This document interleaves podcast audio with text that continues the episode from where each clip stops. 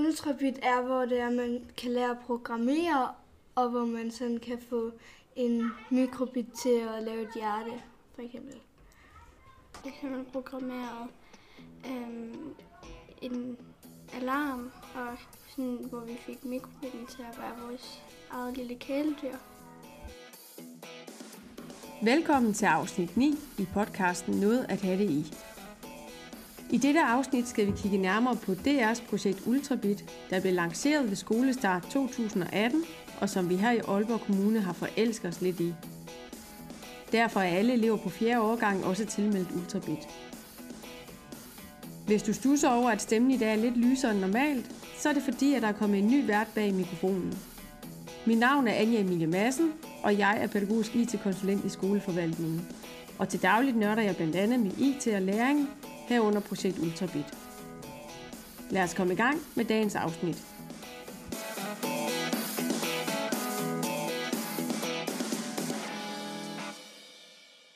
Vi optager på Bislev Skole, og med mig i studiet har jeg Birgitta Præstholm. Velkommen. Tak skal du have.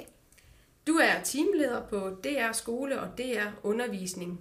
Og i forhold til projekt Ultrabit er du ansvarlig for, at der bliver udviklet spændende undervisningsforløb til mellemtrinets elever. Det er nemlig rigtigt. Og ved siden af mig har jeg også fra DR Rasmus Rønberg. Velkommen. Tak skal du have.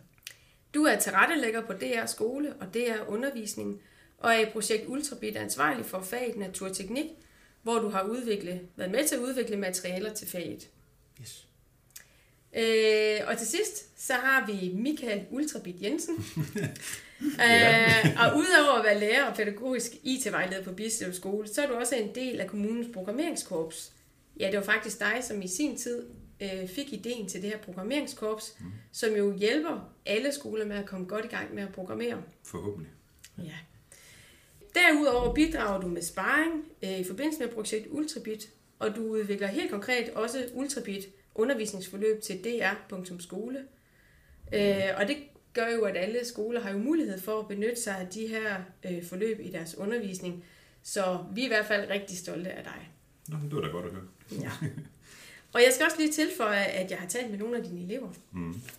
Øh, og der kommer vi til lige at, at smide nogle klip ind rundt omkring i den her podcast.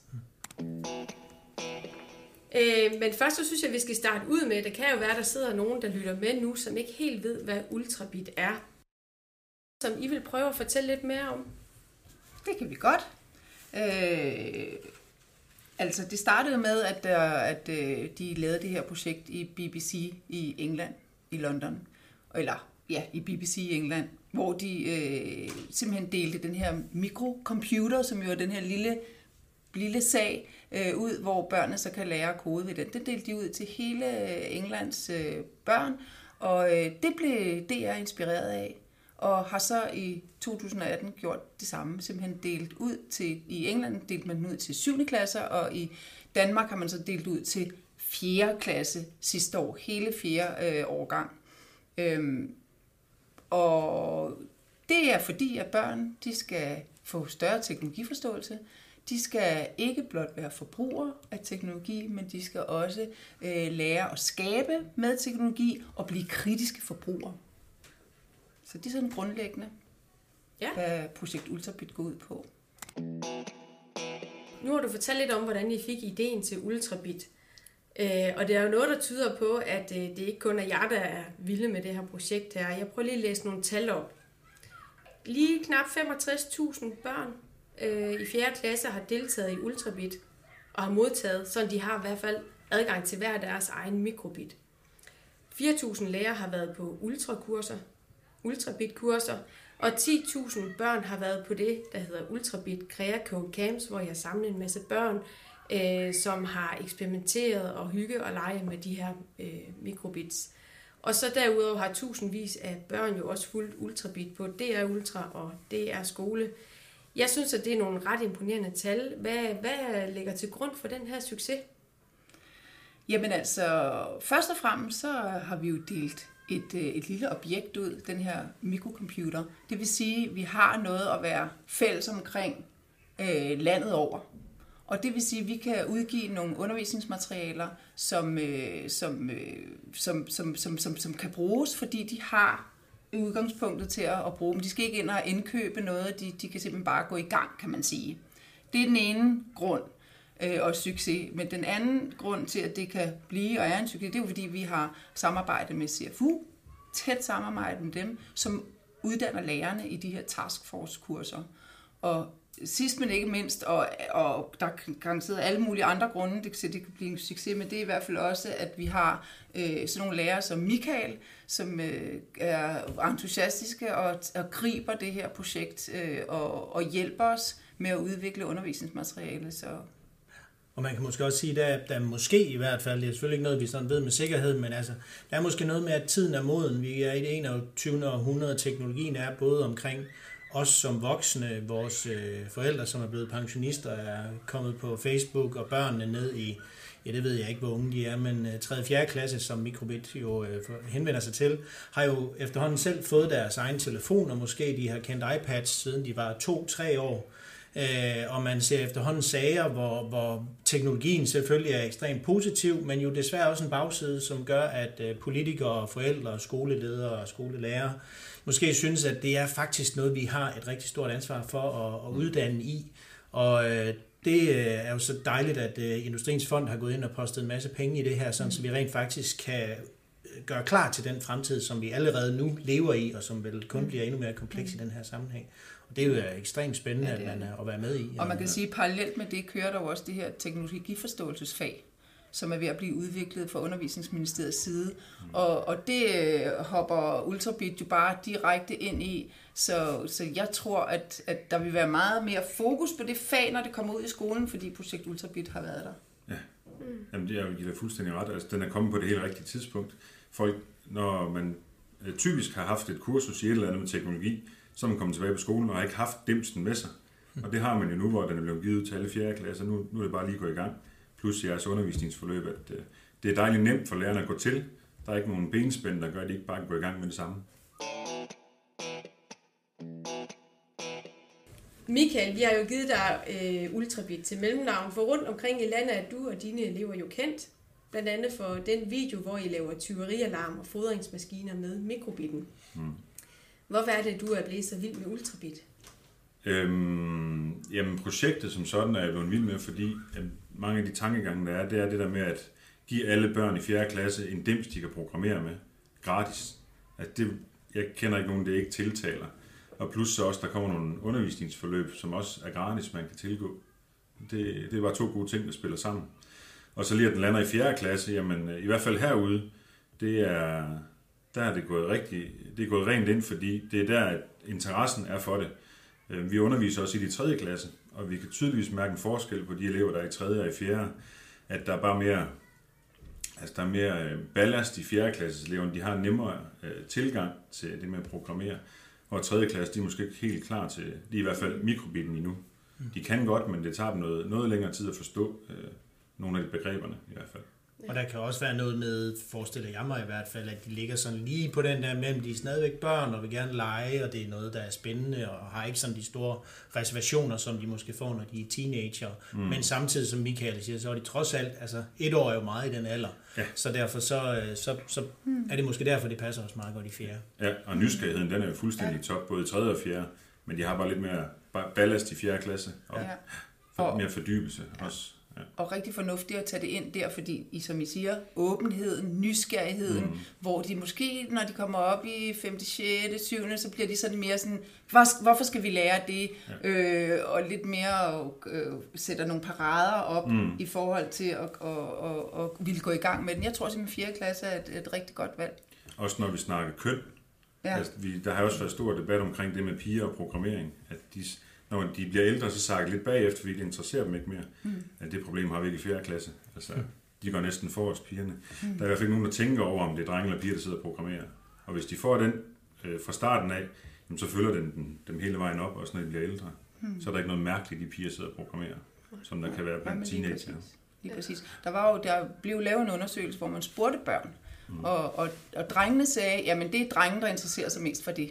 Og pigerne sagde, øh, vi interesserer os også for det. Altså vi interesserer os lige for meget. Så det var drengene, der havde fordomme om, at pigerne ikke var med. Og det var, altså, Ja, så det er jo lidt øh, Ja, sjovt, ikke? det kommer nok også fra en gammel forestilling om, at det er lidt nørdet, det der programmering. Mm. At opfattelsen af at være nørdet, det har været noget negativt. Mm. Hvor at med det her ultranørd og alt det, det bliver vendt til noget positivt. Det er positivt at være nørd. Mm. Både for drenge og piger. Det sjoveste var helt klart stopuret. Der fik man også lov til at bevæge sig lidt og sådan noget.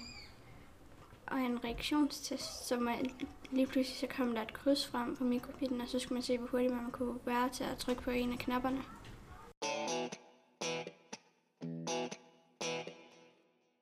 Hvis du så skulle beskrive øh, den bedste undervisningssituation, hvor at jeg arbejdede med mikrobitten, hvad, hvad var det, der skete der? Jamen det er faktisk, øh, det er faktisk en undervisning, hvor de ikke, der kan være nogle faste rammer. Øhm, vi har lavet rigtig mange forløb, øh, både fra DR og fra andre steder. Der, det vælter med dem på nettet. Øh, men det var faktisk dengang, øh, vi gav bitten fri. Vi kalder den bitten herude. Hvor de faktisk fik, øh, de fik lov til bare at lave, hvad de har lyst til. Øhm, det var faktisk den bedste undervisning, fordi, jamen, øhm, hvordan skal jeg sige det? Jamen, der var ikke de der, der var ikke mine rammer. Altså, de havde ikke noget, de kunne bare gøre, hvad de havde lyst til. Det endte selvfølgelig med en undervisning, hvor der var rigtig meget lyd på, for de fandt ud af, at den kunne lave lyd, den her, så de sad faktisk og komponerede lydstykker.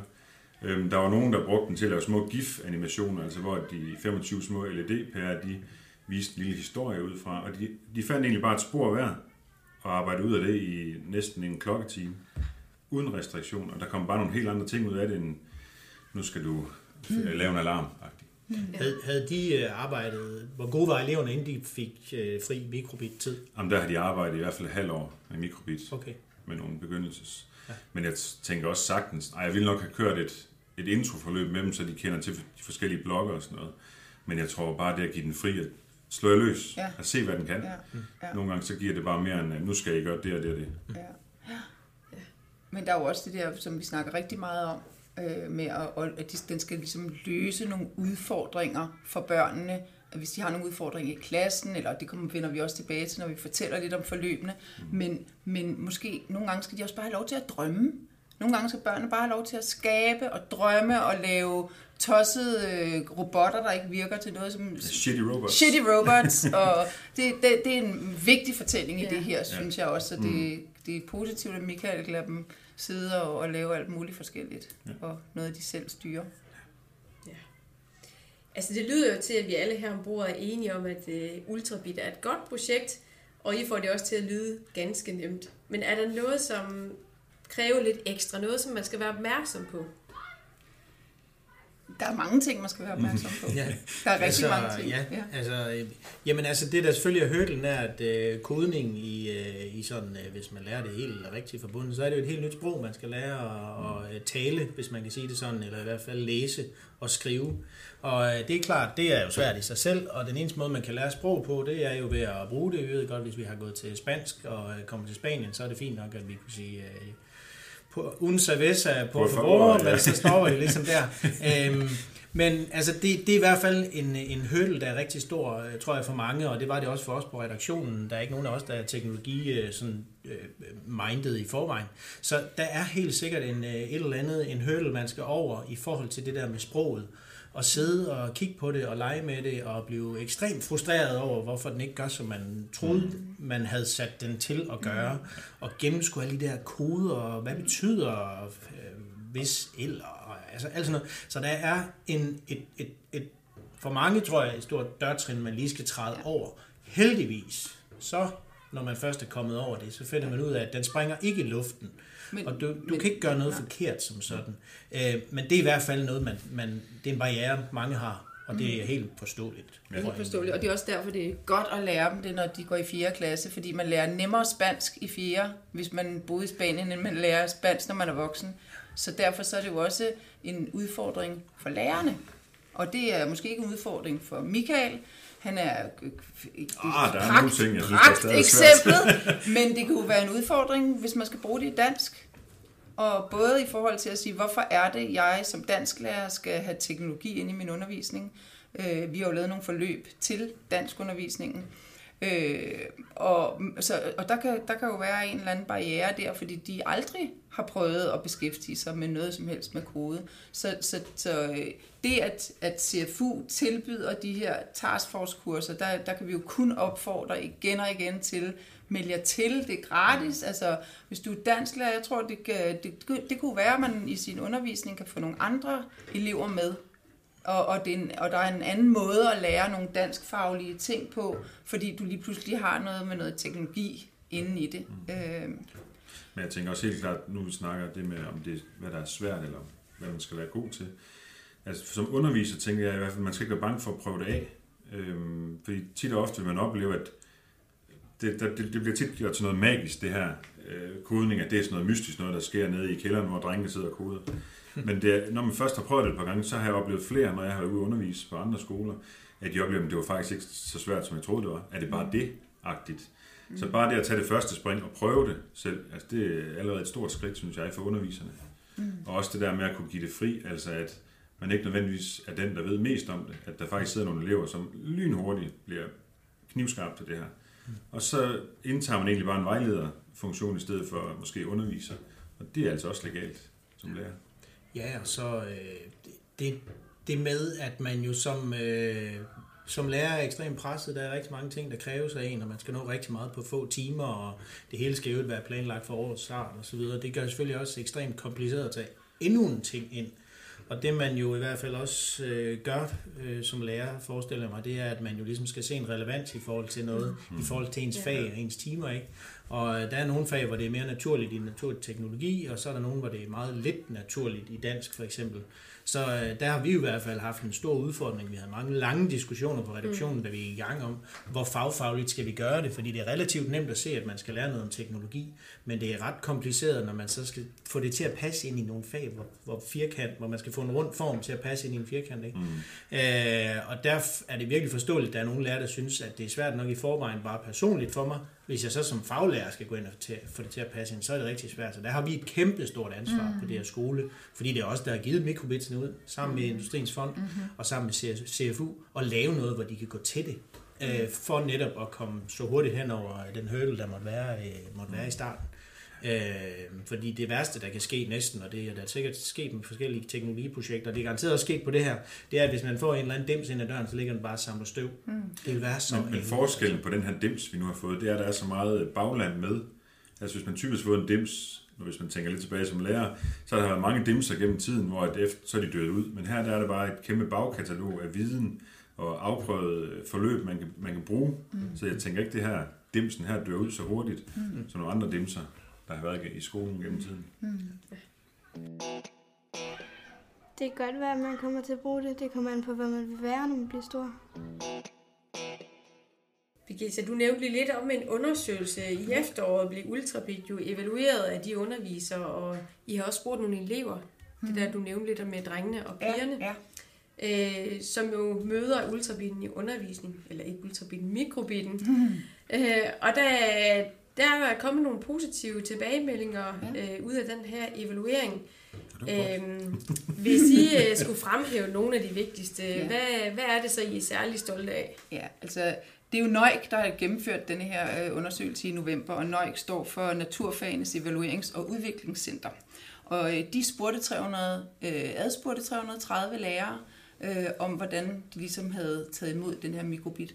Og øh, 83 procent, bare for at sige et par tal, så 83 procent af de lærere i november, de fik den jo i august, mm. havde, havde brugt øh, ultrabitten i undervisningen. Og resten sagde, at de gerne og havde et ønske om at bruge den. 90 procent af dem, der havde brugt den, sagde, jamen kodning er jo faktisk ikke så svært. En anden ting, det viste, var, at 9 ud af 10 børn, som deltager i øh, projekt Ultrabit, synes, at kodning er lettere, end de troede. Så det er jo nogle virkelig, virkelig flotte tal, der er kommet ud der. Øhm, ja. ja. Stemmer det overens med det, du oplever, Michael?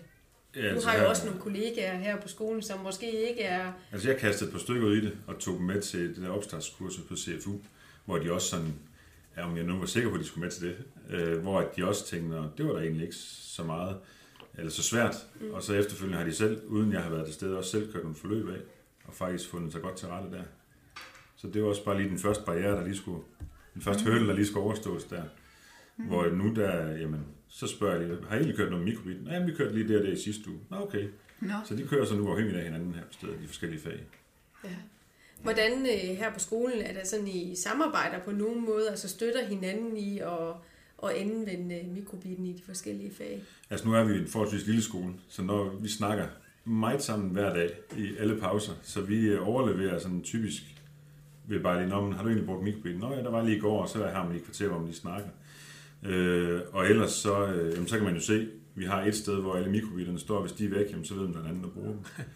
Og vi har også dækket mange fag med det. Øh, det er typisk mig og en anden, som sagt, vi er ikke så mange herude, men det er typisk mig og en anden, der kører, der bruger mikrobitten, og der er vi altså lige koordineret med hinanden, hvordan det ledes. Og så efterfølgende, på et time eller andet, så er vi sådan lige vendt, hvad virkede godt, hvad virkede knap så godt, hvad, hvad skal vi gøre anderledes til en anden gang, og det der forløb, var det godt, okay, så kan vi lige putte det i banken til en anden gang, ja, den vej rundt. Ja, så der er lidt videndeling ja. omkring øh, bordet i pausen. Og, Det er der, Ja. ja. i, med hensyn til alt herude, også mikrobit. ja, Ja. Kom. Nu har I jo fortalt sådan lidt om, hvad, hvad har været, øh, hvad der skete i løbet af det første år af Ultrabit. Altså, det er jo, ja. den er jo ikke engang, øh, projektet er jo ikke et år gammel endnu, Nej. som sådan, eller jo, det er det jo næsten. Men hvad, hvad, hvad kommer der til at ske nu? Øh, kommer I til at slappe af, og, eller hvad, det, hvad, hvad skal det, der Vi ske? kan, vi kan nok ikke øh, hvile på laverbærene endnu. Fordi det, der jo er sket, er, at Industriens Fond har støttet os med en ny pose penge, og det vil sige, at vi øh, efter sommerferien deler øh, mikrobitten ud til i klassesæt, til, så det kan bruges på 4., 5. og 6. årgang, så hele mellemtrinnet kan nu komme med i spurten. Og, og øh, der er allerede, øh, vi ved allerede, at der er 100.000 børn, der efter sommerferien vil komme til at sidde med at have en mikrobit, hvor det var ved de her 64.000 mm. øh, i det år, der er gået. Mm. Så det er, jo, det, er jo, det er jo fantastisk. Det gør jo så, at vi er i fuld sving med at udvikle nyt undervisningsmateriale. CFU er i fuld sving med at lave nye taskforce-kurser og invitere ind til, til undervisning. Og øh, ja, på undervisningsfronten, der kan Rasmus jo fortælle lidt om, hvad der... Ja, det er et stort ansvar, der ligger, når der lige pludselig er 100.000, der rent faktisk har mulighed for at arbejde med det. Men øh, på den anden side, så er det også øh, drøn spændende at være med til noget, der er så stort, som det her rent faktisk er. Øhm, den her nye runde øh, kommer til i højere grad end, end sidste gang at have sådan en, øh, hvad skal vi sige, en, en rød tråd igennem alle de projekter, som vi selv øh, lancerer i, i det her skole, nemlig det, hvad hedder det, FN's verdensmål. Øh, og øh, de kommer alle sammen til at ligge under sådan en paraply, der hedder koden Bedre Verden. Og øh, øh, det bliver stadigvæk noget med, at det rammer ned i forskellige fag, men vi arbejder ligesom med sådan nogle, nogle abstraktionsniveauer, eller hvad man skal kalde det, hvor, øh, hvor vi vil lave øh, noget, der ligger tæt på øh, vores skole, altså hvor eleverne arbejder med problemstillinger tæt på skolen, så det næste abstraktionsniveau, det er så byen, øh, byens problemer i forhold til FN's verdensmål. Så er der landet, og så til sidst verden. Og det vil sige, at det, det er sådan på, øh, på nogle punkter er det på det helt høje abstraktionsnavler. Øh, og det, øh, det er selvfølgelig rigtig fint, men det skal selvfølgelig også bringes ned på 4., 5., 6. klasses niveau. Mm. Så øh, et af projekterne kommer til at hedde Koden Bedre Verden, hvor de så skal prøve at selv se, hvad der kunne være problemer i deres øh, hverdag, som de øh, kunne finde på at lave løsninger, som er måske meget teknologiske, hvor mikrobitten indgår, eller andre ting, hvor man måske bare i godsøjne laver en, en idé til at løse øh, mobning i klassen, eller noget andet, hvor der godt kunne, kunne være noget, som eleverne selv synes, man kunne gøre bedre. Mm. Øh, vi har planer om at lave noget med noget musical værk. Det lyder måske meget, meget mærkeligt i den her sammenhæng, men øh, det kunne godt være muligt, også for netop at få nogle af de fag med, hvor teknologi ikke er naturligt med. Øh, dansk med at fortælle en historie, og det kunne være, at man kunne fortælle nogle historier med øh, med øh, en musical, som, som så gør, at, at, at øh, der bliver sat fokus på nogle af de her problemstillinger. Så øh, kommer vi ind over noget med noget spil, øh, computerspil, altså spilteori og spil, øh, og måske endda også med noget, øh, med noget integration med, med Scratch, som jo også øh, mange stifter bekendtskab med. Og øh, så øh, kommer vi ind over, hvad er den sidste ting? Jo, det er noget til håndværk og design, hvor øh, Michael er i gang med at lave tegninger til en flippermaskine. Ja. Øh, så vi, altså man kan sige, det fagner enormt bredt det her, og det gør det selvfølgelig også, fordi FN's verdensmål, det er nogle store politiske, øh, hvad hedder det, mål. Øh, men, men det er meget vigtigt at få det ned på, på, på et hånd, øh, hvad hedder det, håndgribeligt niveau for eleverne. Ja. Og så synes vi selv, at noget, der manglede faktisk i sidste runde, da vi, da vi lancerede det, det var en værktøjskasse. Fordi en ting er selvfølgelig, at man skal lære at kode selv, altså man selv skal lære at sætte blokkene sammen.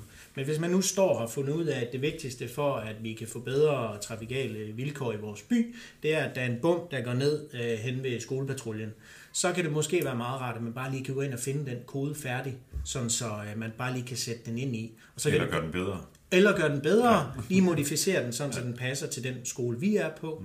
Øh, eller en masse andre værktøjer, sådan så man ikke altid skal bygge ting helt fra bunden. Altså noget af det, der ligger i innov- innovationstanken, er jo netop, som Michael siger, forbedringsdelen. Mm. Og vi skal også huske, at det er 4. klasse, så selvom vi tror, de kan en masse ting, så er der også nogle ting, hvor man kan sige, som barn, så er det også en kæmpe barriere, hvis det ikke lige er der, der hvor man har brug for det. Ja. Øh, Også, så, også fordi de mangler den der indsigt i, jamen, hvad er det præcis, jeg skal gøre her, for det virker. Ja. De mangler den der, det er godt, de kender byggeklodsen, men hvordan sætter jeg dem rigtigt sammen? Ja, lige nøjagtigt. Og så en sidste ting, som vi synes, øh, og allerede snakket om sidste gang også, det var sådan noget fejlfindingsnåde. Fordi en ting igen er at bygge ting fra bunden selv, men meget af det handler om at kunne se, hvor er fejlen hen, hvis det ikke virker. Så øh, vi har, vi har fået en, en gut ind, som, som er øh, hjemme i alt det her kodeværk, og han skal så prøve at lave sådan en masse øvelser, hvor eleverne skal prøve at fejlfinde eller Altså, de skal kigge i koder. koden. Ja, de skal Ja, kigge i blokkoden, ikke? Ja, lige nøjagtigt. Sådan en find fem fejl-agtig størrelse.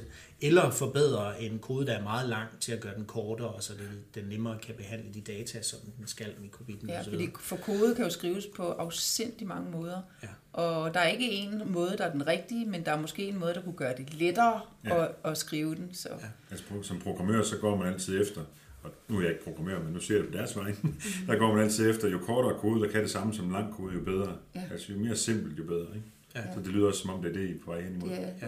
det er i hvert fald noget af det. Så det er i hvert fald noget med at få sådan nogle store, luftige ting, og som også er meget voksenagtige, ned på et børneniveau. Og som Birgitte vist også sagde tidligere, så øh, skal vi ikke sætte børnene til at løse de voksnes problemer. Hvis der er så er noget sammenfald mellem, at børnene synes, det er vigtigt, og voksne synes, det er vigtigt, så er det rigtig godt. Men det er også fint, hvis børnene laver det, de synes er vigtigt. Ja, det, Fordi det spiller sikkert alligevel ind i FN's øh, verdensmål. Mm. Men, så det er sådan, ja, mange forskellige niveauer, og også en bred vifte af fag. Og som Michael også lidt var inde på øh, tidligere, så det der med, at han tog nogle lærere i hånden, som ikke lige øh, synes, at det var vigtigt, eller måske var svært, det ved jeg ikke. Men i hvert fald så prøver vi med tværfaglige projekter i højere grad, og se om vi kan få altså kombineret faglighederne hos lærerne, sådan så en dansk lærer kommer med en faglighed, og en naturteknologilærer kommer med en anden faglighed, og så kan de styrke hinanden og være en bedre øh, vejlederrolle øh, til eleverne. Øh, og så er det måske nemmere at springe ud, hvor det er lidt dybt, hvis man har en at, at holde i hånden sammen med. Det kunne være, at Michael for eksempel havde en idé til et tværfagligt forløb, eller brugte et af vores tværfaglige forløb, og så gik ned og sagde til dansklæreren, kunne du ikke lige tænke dig at være med i det her? Du skal, du skal skrive historien. Dine børn, du skal egentlig ikke beskæftige dig sønderlig meget med, med teknologien, men du skal være med til at skrive historien og lave karaktererne i denne her musical, vi nu skal lave. Og så vil jeg også som dansklærer måske synes, det var lidt nemmere at hoppe Ja. på, Springe hoppe på, på, hoppe på projekt Ultrabit. Men sådan er det jo generelt. Altså, hvis man er to om et projekt, så er man også to til at støtte hinanden, end, end hvis man står alene med det. Ikke? Mm. Så er det godt, at man, man er lidt mere modig til at springe ud noget nyt. Mm. Ja, og kan supplere hinanden. Men uh, Michael, hvilke planer har I med Ultrabit på Bisø Skole? Skal I lave en musical, eller have Ja, selvfølgelig. emneuger og flippermaskiner og så videre? Eller fortsætter I? ja. Jamen, øhm, jeg har det altid sådan, jeg, jeg, vi bliver ved med at prøve ting af, indtil børnene har fået nok. Øh, og det plejer de at være rimelig gode til at melde ud herude, at øh, nu skal vi altså lige have en mikrobitpause. Så jeg, jeg prøver selvfølgelig alt af, hvad det er, og så det også passer sammen med de faglige mål selvfølgelig. Og nogle gange jeg kan mærke på børnene, eller børnene siger, nu er det vist ved tid til noget andet, jamen, så laver vi noget andet. Så vi prøver alt af, hvad vi lige har tid og, og rummelighed til herude. Man kan, når man bliver lidt ældre, så kan man fx programmere noget lidt mere avanceret. Det, der er svært, det er nok, når man skal programmere selv med mikrobitten. Ellers så er det let nok. Hvis nu man sidder derude og ikke rigtig har fået hul igennem til Ultrabit og mikrobitten, Øh, har I så til sidst lige nogle gode råd til, hvordan man kommer rigtig godt i gang? Altså, jeg har sagt det et par gange. Øh, meld skolelærer, eller skoleleder, meld øh, dine lærer til taskforce-kursus, hvis de har lyst til at være en del af projekt Ultrabit. Det er i hvert fald det råd, vi kan give herfra. Det er en god start. Meld jer til og deltage i kurserne. Ja. Jeg, jeg tror også, jeg vil sige øh, ja. Tur at tage den der øh, vejlederrolle på sig, og ikke den, øh, altså kaste, øh, hvad skal vi sige, den der alvidende rolle, som man, man jo har en tendens til at have som lærer. Kast den lidt øh, over bord i den her slags undervisning, mm. og lad, lad, lad både en selv fejle, og lad børnene fejle, og, og så læn jer op af, af, af netop de lærere, som er helt sikkert er på skolen, der kan det her. Eller læn jer op af de elever, som fanger det. For der er helt sikkert en eller to i hver klasse, som kan det her, som har svarene på, hvorfor delen den ikke biber eller blinker, eller knappen ikke virker. Ja. Øhm, det, det det kan- tror jeg og virkelig, det man kunne- kommer langt med. Det er rigtigt. Og det kan også være elever, der måske har svært i andre fag, som lige pludselig får en succesoplevelse, fordi de er rigtig gode til det her, og, som, og de så kan være dem, der lærer de andre øh, elever at kode Mm. og forstå. Ja. Ja. Ja. Og helt præcist for Aalborg Kommune, så kan de også hive fat i programmeringskorpset øh, og hive fat i os. Vi er nogle stykker, der kommer gladeligt ud og hjælper med at sætte det i gang, og også kan snakke med lærerne omkring, hvordan og hvorledes gør vi det her. Hvordan indfører vi det? Hvornår indfører vi det? Og hvad skal vi være opmærksomme på? Ja. Og det ved du, Anja, hvor man kan finde det henne. Ja, det kan man finde på åbenvoldborg.dk. Lige præcis. Godt. Du fik det sidste ord. Næsten, Michael. Tak. Tak fordi I vil være med, og tak for, fordi at du lyttede med derude til denne episode af Noget at have det i. Du er som altid velkommen til at like og dele vores podcast, og husk også at abonnere, så du ikke går glip af næste afsnit. Der kommer vi nemlig lidt væk fra teknologiens verden og kigger nærmere på eksamensangst, og denne podcast må I ikke gå glip af.